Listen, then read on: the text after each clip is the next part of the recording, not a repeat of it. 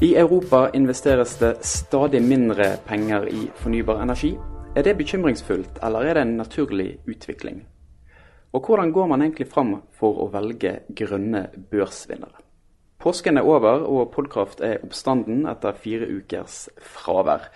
Bakteppet vårt i dag er den årlige rapporten 'Global Trends in Renewable Investments', eh, som ble utgitt av eh, FNs eh, miljøorgan UNEP, Bloomberg New Energy Finance og Frankfurt School of Climate and Environment. Og Med oss for å opplyse og underholde så har vi dagens gjester. Hogne Tussøy, porteføljeforvalter og partner i Holbergfondet. Velkommen til deg, Hogne. Takk for det. Og så har vi fast gjest eh, Lars Henrik Pårup Mikkelsen, daglig leder i Norsk Klimastiftelse. Velkommen til deg òg, Lars Henrik. Takk skal du ha. For å sette det litt i kontekst før vi begynner. 286 milliarder dollar, eller rundt 2414 milliarder kroner, ble puttet inn i fornybar energi i fjor. Det er en ny rekord, 13 milliarder mer enn det forrige toppåret i 2011. Det er omtrent dobbelt så mye eh, som gikk til ny kraftproduksjon av kull og gass i fjor. Og eh, kanskje mest interessant, for første gang så investeres det mer i u-land enn i industrialiserte land. Så vi kan begynne med, med de sånn umiddelbare reaksjonene og, og inntrykkene på, på, disse tallene. Det er jo snakk om, om eh, store tall, og eh, kanskje vanskelig å angripe helt hva det vil si i, i praksis. Lars Henrik, har du gjort deg opp noen eh, formeninger? Nei, altså det, det, som, det, som, er bra, det er jo selvfølgelig at, uh, at det øker nå etter som et par år med, med nedgang. Så er det nå andre år på rad hvor det igjen øker. og det som, som man ser, er jo at de fleste investeringene går jo også til sol og vind, hvor man òg har opplevd de største kostnadsreduksjonene. Så det betyr jo at Eh, ikke bare investeres det mer, men man får jo òg mer kraft på pengene. Man får mer igjen for de pengene man setter inn. Og det er bra. Men så er det en bekymring, og det er jo det at, um, som de skriver i rapporten, og det at um, investeringsnivået er jo altfor lite. Altså hvis du har Parisavtalen som et bakteppe, så skriver de jo her at Og den legger opp til at man skal ha netto nullutslipp i 2050.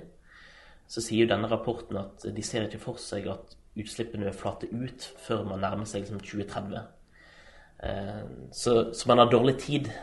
Selv om, eh, selv om investeringen øker, så burde, burde de økt enda mer. Hogne?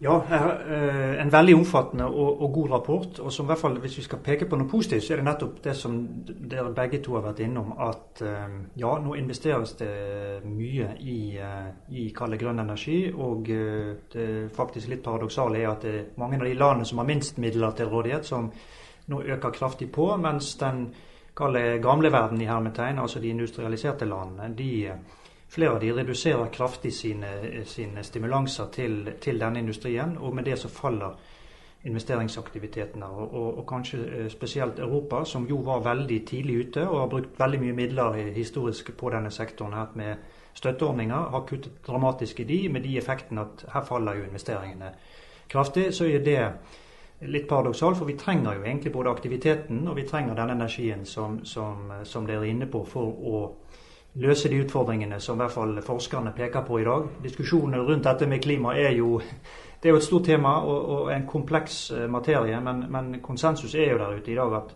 vi er nødt til å foreta oss noe. Og, og ja, her er mye, mye ugjort. Så, eh, men det er samtidig en, en annen refleksjon er jo nettopp som investor så har, har, eh, på tross av at det har vært veldig bra utvikling i, med, med, hensyn til, til, investeringer, så har jo lønnsomheten med tanke på å være investor og risikotaker i dette markedet vært, det har vært veldig blandede erfaringer med, med, det. Både på kort og på litt lengre sikt. Mm. Eh, vi skal komme tilbake til det siste du tar opp der, eh, Hogne. Og, og som du nevner, så har Europas, eh, Europas andel av investeringer har falt fra 53 eh, på verdensbasis i 2004 til 17% i fjor. Og Det har vært et ganske dramatisk fall i, i faktiske tall, fra 123 milliarder i 2011 ned til, til 49 milliarder i fjor. Og er det på mange måter Europas møte med subsidieendringer som gir den utviklingen. Så nå har man brukt veldig mye penger og pløyd, pløyd opp et marked. Eh, og så begynner eh, de, si, de enkelte regjeringene å, å, føler at de har brukt veldig mye penger og kanskje ikke fått, fått så fryktelig mye igjen i, i, i effektene. Altså, I Storbritannia så, så, går jo mye av debatten rundt det faktum at de faktisk altså de sier rett ut vi har brukt for mye penger på dette. Mm. Vi, har ikke, vi har ikke råd lenger. Ja, altså det er iallfall eh, en viktig forklaring. Altså, klart Europa har en økonomisk krise, og, det, eh, og i rapporten peker de på kostnadsreduksjon. Men jeg tror òg at eh, politisk ustabilt, altså at det har vært ustabilt rundt rammebetingelsene, er jo kanskje en hovedforklaring. Eh, og bare nå eh, Altså i Spania, i eh, en del andre land, så har du jo ikke bare liksom fjerna støtteordninger, men de òg har på en tilbakevirkende effekt på prosjekt som har blitt godkjent. Og det er klart at det er jo ikke noe en investor ønsker å se. Eh, og i Storbritannia nå, sant, som er egentlig det landet som bærer det aller meste av fornybarinvesteringene i Europa, 22 av ca. 50, så ser du òg at de òg det siste året har kutta ned på veldig mange eh, støtteordninger. Og senest nå i eh, påskeuken så var, så var det en debatt i parlamentet om hvorvidt de skulle på en beholde en Eller heve momsen på solcelleinstallasjoner. Det fikk, ikke, det fikk ikke flertall. Men det viser seg at det hele tiden er kamp om støtteregimene. Og det vet vi jo fra vår egen uh, verden, sant? hvor viktig stab, stab, stabile rammebetingelsene er for at en industri skal kunne vokse. Og der, uh, der har Europa masse å lære. Ja, og så er det vel et annet element. Det er at insentiver virker. Det er jo mange som har vært inne på det i ulike, i ulike sammenhenger. Og Insentivordningen i Europa var ekstremt viktig for teknologiutviklingen for denne, denne næringen, hvis vi ser det i et litt lengre perspektiv. Og så har det, eh, som dere er inne på, endringene her eh, dramatisk eh, kall det, gjort det slik at, at investor har blitt kall det redde.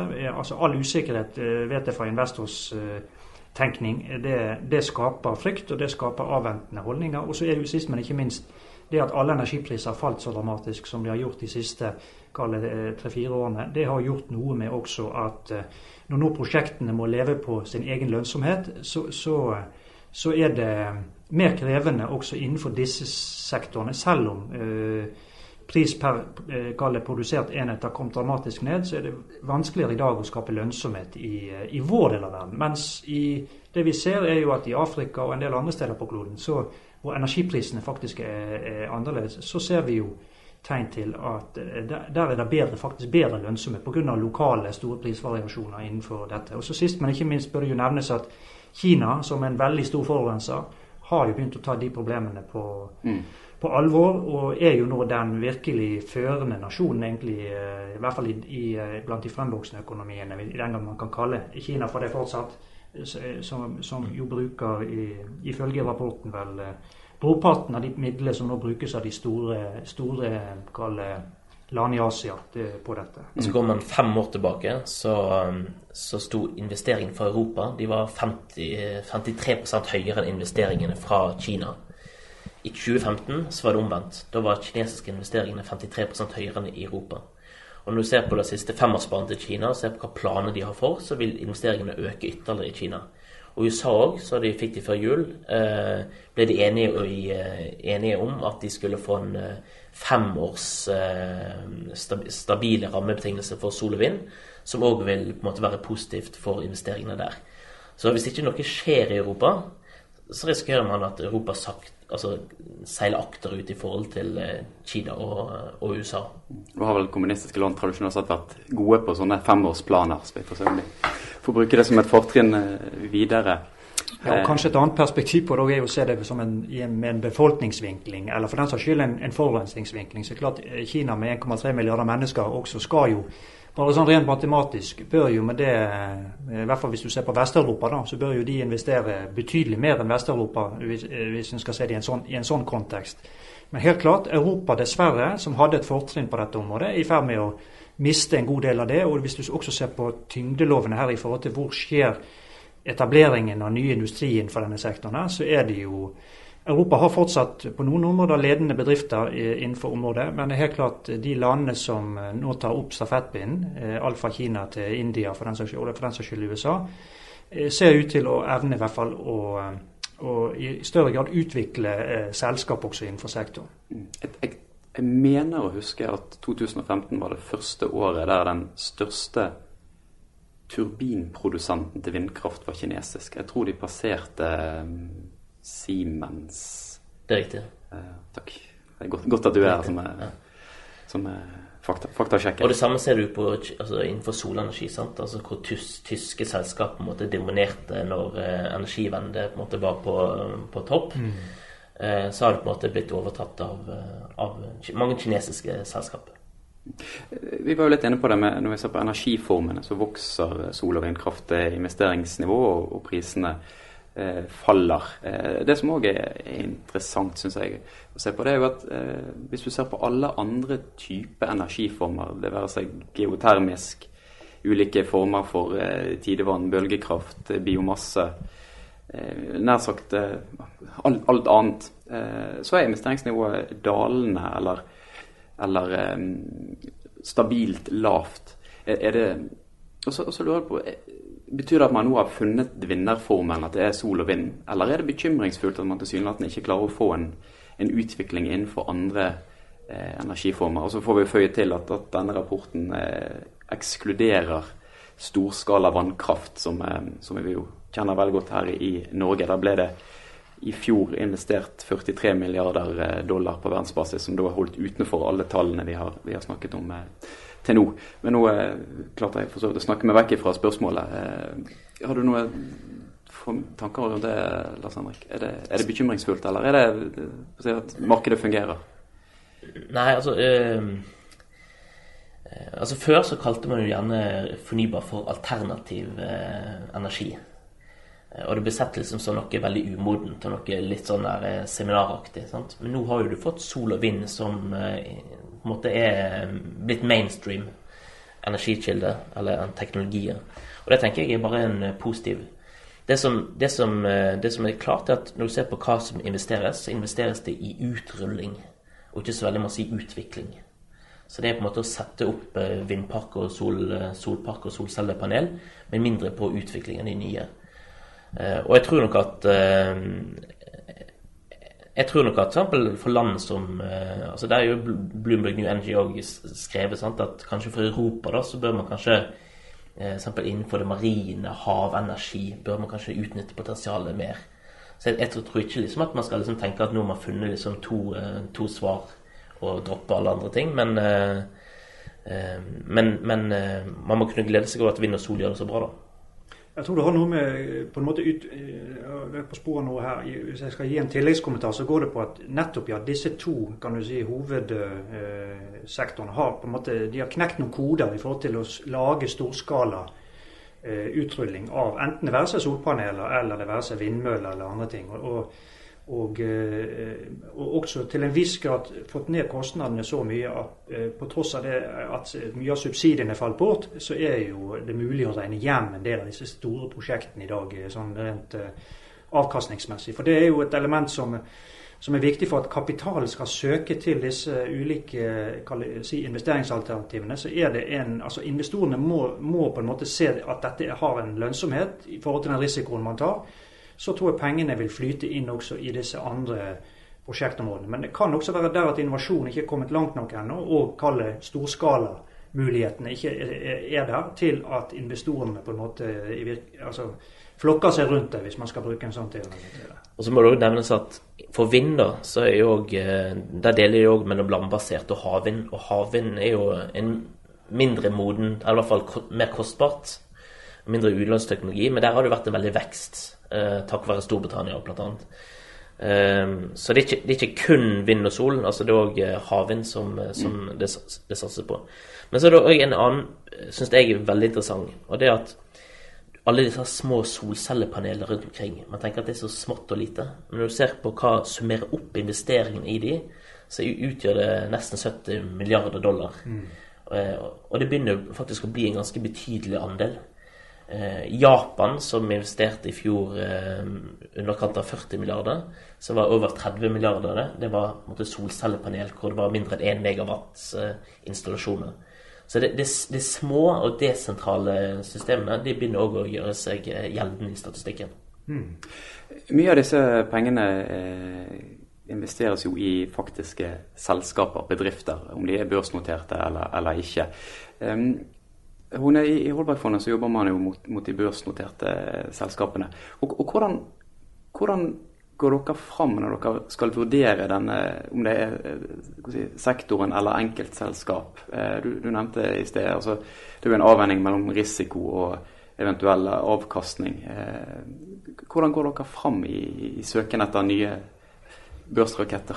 Ja, det, det kan jo godt, godt, spørsmål og vanskelig å svare på sånn i kortet. Men hvis det skal, altså, vi bruker jo tradisjonell tilnærming når vi ser på, ser på selskaper, og, og, har jo på en måte kriterier som vi er veldig opptatt av å i første omgang få avklart. og Det går jo på egentlig en regnskapsanalyse som ligger i bunnen for alle selskaper som vi ser på. At vi, at vi, og vi liker jo, la oss være ærlige på det, vi liker jo helst å se på selskaper som har noe historikk, og med det Eh, noe, på en måte, noe fakta å basere inputen på.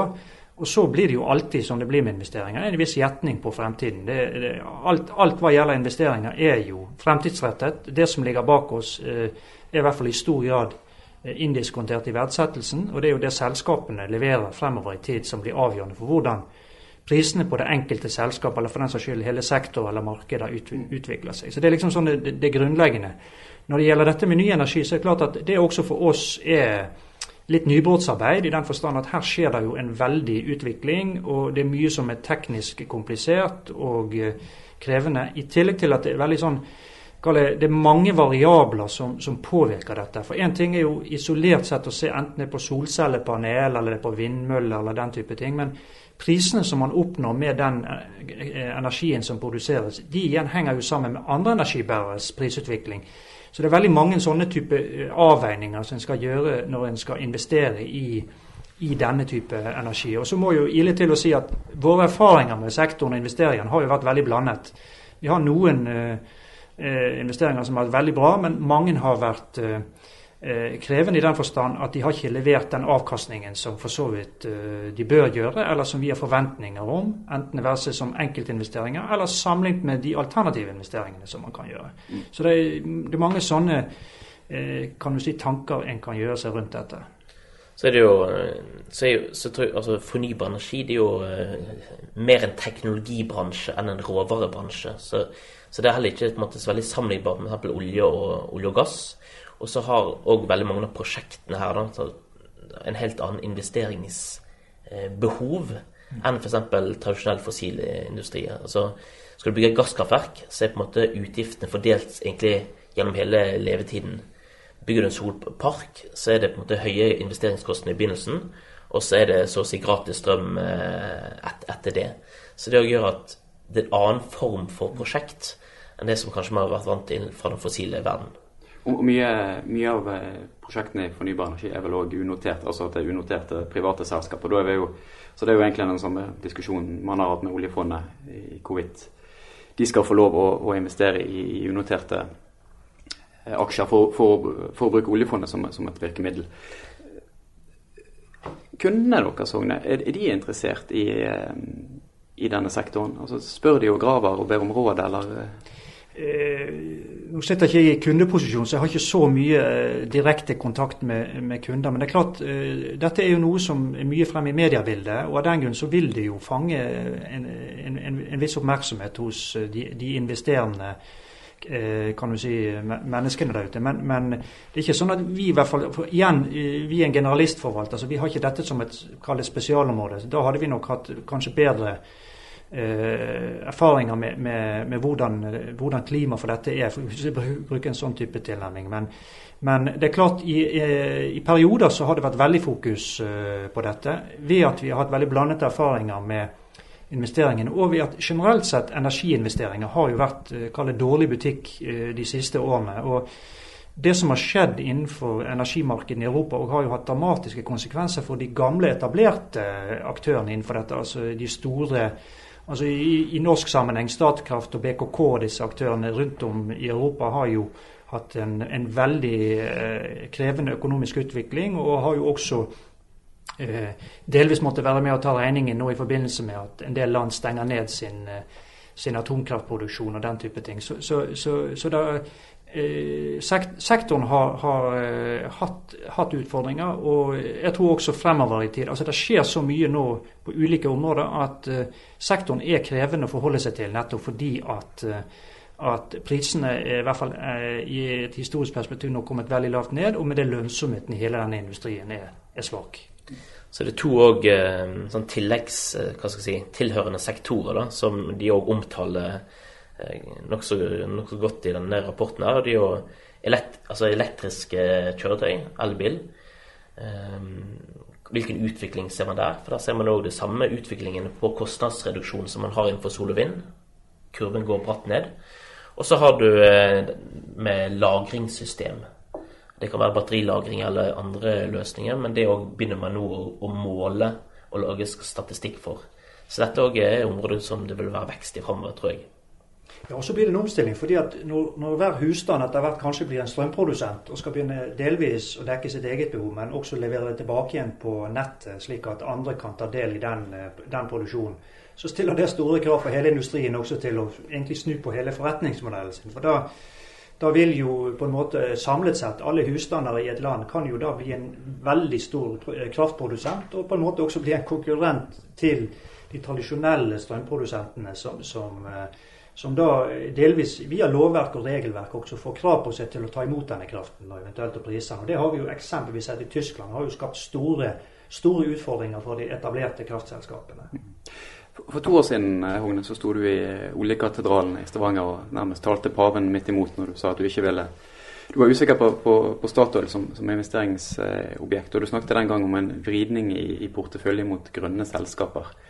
Det var to år siden. Hvordan har den eh, utviklingen vært eh, på disse to årene? Ja, eh, for å si det sånn, hadde, hadde, hadde en hatt fasiten i hvert fall den gangen og sett at oljeprisen skulle falle fra 100, 100 dollar pluss til å, bunne på 27 dollar her denne vinteren her, så det klart at, at det illustrerer i hvert fall at det å være usikker på utviklingen i sektoren på det tidspunktet var, var riktig. Jeg må ærlig tatt innrømme at jeg hadde ikke, hadde ikke forventninger om at oljeprisen skulle falle så mye. men men det, dette illustrerer jo i hvert fall risikoen eh, som, som, er der i øyeblikket med å investere i denne sektoren. Et annet aspekt også er jo at, at eh, eh, fra det nivået vi er på i dag, og i forhold til det kostnadsnivået som denne industrien har, altså da snakker vi oljeselskapene, så er det klart det er fortsatt veldig store utfordringer. Delvis med de investeringene de har gjort historisk, som jo eh, til en viss grad var basert på mye høyere oljepriser. For vi var gjennom en ganske lang periode med høye oljepriser. Og, og, og, delvis når vi nå ser fremover, hva vi kan forvente oss av priser i, i de, kalde, de, de, nærmeste årene. For så vidt også i et lengre perspektiv. Altså Vi skal jo huske på at det største industriprosjektet i Norge i øyeblikket er Johan Sverdrup-utbyggingen, som kommer til å koste totalt sett langt over 100 milliarder kroner å utvikle. Eh, vil jo ikke komme i produksjon før i 2019. Og når vi ser hvordan oljeprisen har svingt de siste årene, tre-fire årene, så kan man jo begynne å lure på hvordan vil de se ut eh, etter 2019. For det er jo det som er realiteten for de enorme investeringene som for så vidt Statoil er hovedaktøren bak, men hvor en rekke andre selskaper, og ikke minst det norske samfunnet, putter veldig mye penger inn i ett enkelt uh, oljefelt. Og så får vi, får vi, Fasiten vil vi ikke ha for langt ut på, på 2020-tallet, hvordan lønnsomheten vil være med, det, med den investeringen. Dette illustrerer noe av risikoen rundt den norske, norske uh, olje- og for så vidt energiproduksjonen. Har, har, du tro på Statoil sin fornybarsatsing? De har jo eh, skrudd opp tempoet litt av det siste året. Godt, det er klart eh, eh, Godt spørsmål. Historien Nå snakker jeg mer generelt enn å snakke Statoil spesifikt. Men det er klart når et selskap har på en måte en virksomhet som er så dominerende som Statoil har, som er produksjonen av olje og gass, og, og, og så satser de på et tredje ben, så, så, er jo erfaringen at det ofte er veldig krevende for det eventuelt nye, nye forretningsområdet å på en måte få både den plassen og eventuelt den kapitalen som skal til for at det skal virkelig kunne utvikle seg til noe stort.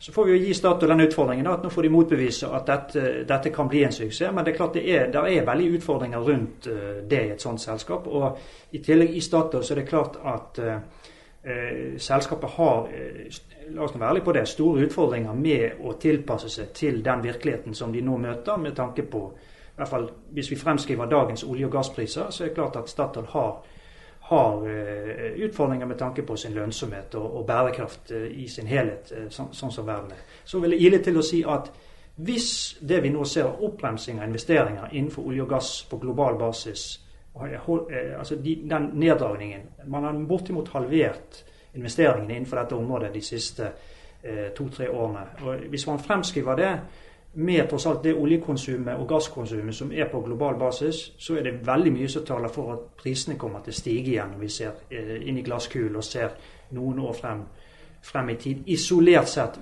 For de vil dominere energi etterspørsel de nærmeste fem-seks fem, årene. Men ser vi lenger enn det, så er det veldig usikkert med hensyn til uh, hvor, stort blir da alle andre tenkelige alternative kalle. Og det er jo spesielt innenfor transportsektoren. Det vi har vært så vidt innom her med elbiler og all den satsingen der som, som er spennende. Nå er jo akkurat uh, Tesla, når det vises akkurat Tesla lansert sin nye, mer folkelige elbil. Uh, og det er kanskje sånn tegn for at nettopp elbilutrullingen er kanskje eh, litt av svaret på hvordan det vil gå med oljeindustrien. For du vet at mer enn halvparten av oljekonsumet går til transportformål.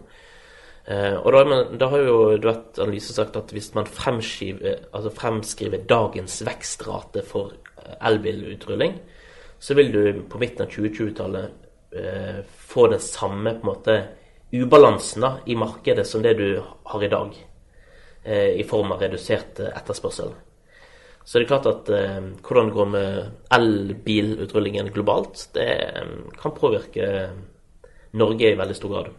Ja, det, det, det, er et godt poeng. Samtidig så, så, er det klart at den andre halvdelen av olje, oljeetterspørsel, som er alt tenkelig egentlig, det er jo alt, Olje inngår jo i det mest uh, utrolige i dag, egentlig. Og ikke minst uh, plast, plastverden som vi lever i på mange vis, er jo, er jo i stor grad oljebasert. Så, så, det er klart, det er jo en god del elementer her som er som er relativt stabile. Eh, og, og la nå det være sagt, Oljeetterspørsel globalt har jo vært relativt stabilt voksende, uavhengig av faktisk prisbildet gjennom de siste mm. 10-20-30 eh, årene. Så, så, men, men, vi er oppe i, et, i en tid hvor, hvor my, mange ting skjer. og det er klart, Men det er i hvert fall jo lenger frem i tid vi ser, jo større er usikkerheten knyttet til hvordan, hvordan verden vil utvikle seg. Mm. Eh, helt til slutt, eh, Lars Henrik her har jo eh mirakuløst vis raske til seg en direktørtittel og har sikkert en, en, lønn meg og Hogne bare kan drømme om. Hvis han eh, sitter med noe har noen penger under madrassen, er det noen spesielle selskap eller eh, spesifikke sektorer som Holbergfondet har, har, tro på noe innen, innen fornybar energi, altså som, som, dere er investert i per i dag, eller som dere har hatt gode erfaringer med tidligere, som du, du vil trekke frem? Jeg, jeg, jeg, tror jeg skal være forsiktig med å trekke frem eh, enkeltselskaper. Jeg vil, vil si det sånn at i hvert fall eh, der, innenfor dette området så er mulighetene store. Men risikoen er også veldig høy. Så jeg tror i hvert fall hovedrådet er at i den grad du skal investere i enkeltselskaper, så skal du gjøre en veldig grundig jobb med å vurdere dem. Og nettopp også ut fra hvis vi bruker den erfaringen vi nå har med å se i bakspeilet de siste eh, si, tre-fire-fem årene, og se på de dramatiske endringene vi har vært gjennom Eh, for industrien, men ikke minst også for de enkelte selskapene her. Det er nok å se på REC, som jo var, et, eh, var en eh, børsrakett på Oslo Børs og hadde en samlet børsverdi på ja, ca. 200 milliarder kroner på, på, toppen. I dag er det noen få milliarder kroner igjen av den børsverdien. Så har vel å merke noe av bedriften blitt solgt med, med hyggelig gevinst. men dette illustrerer i hvert fall at risikoen innenfor dette området er veldig høy. Eh, mulighetene ditto store. Og som, eh, som, jeg har vært inne på her, teknologiutviklingen går veldig raskt.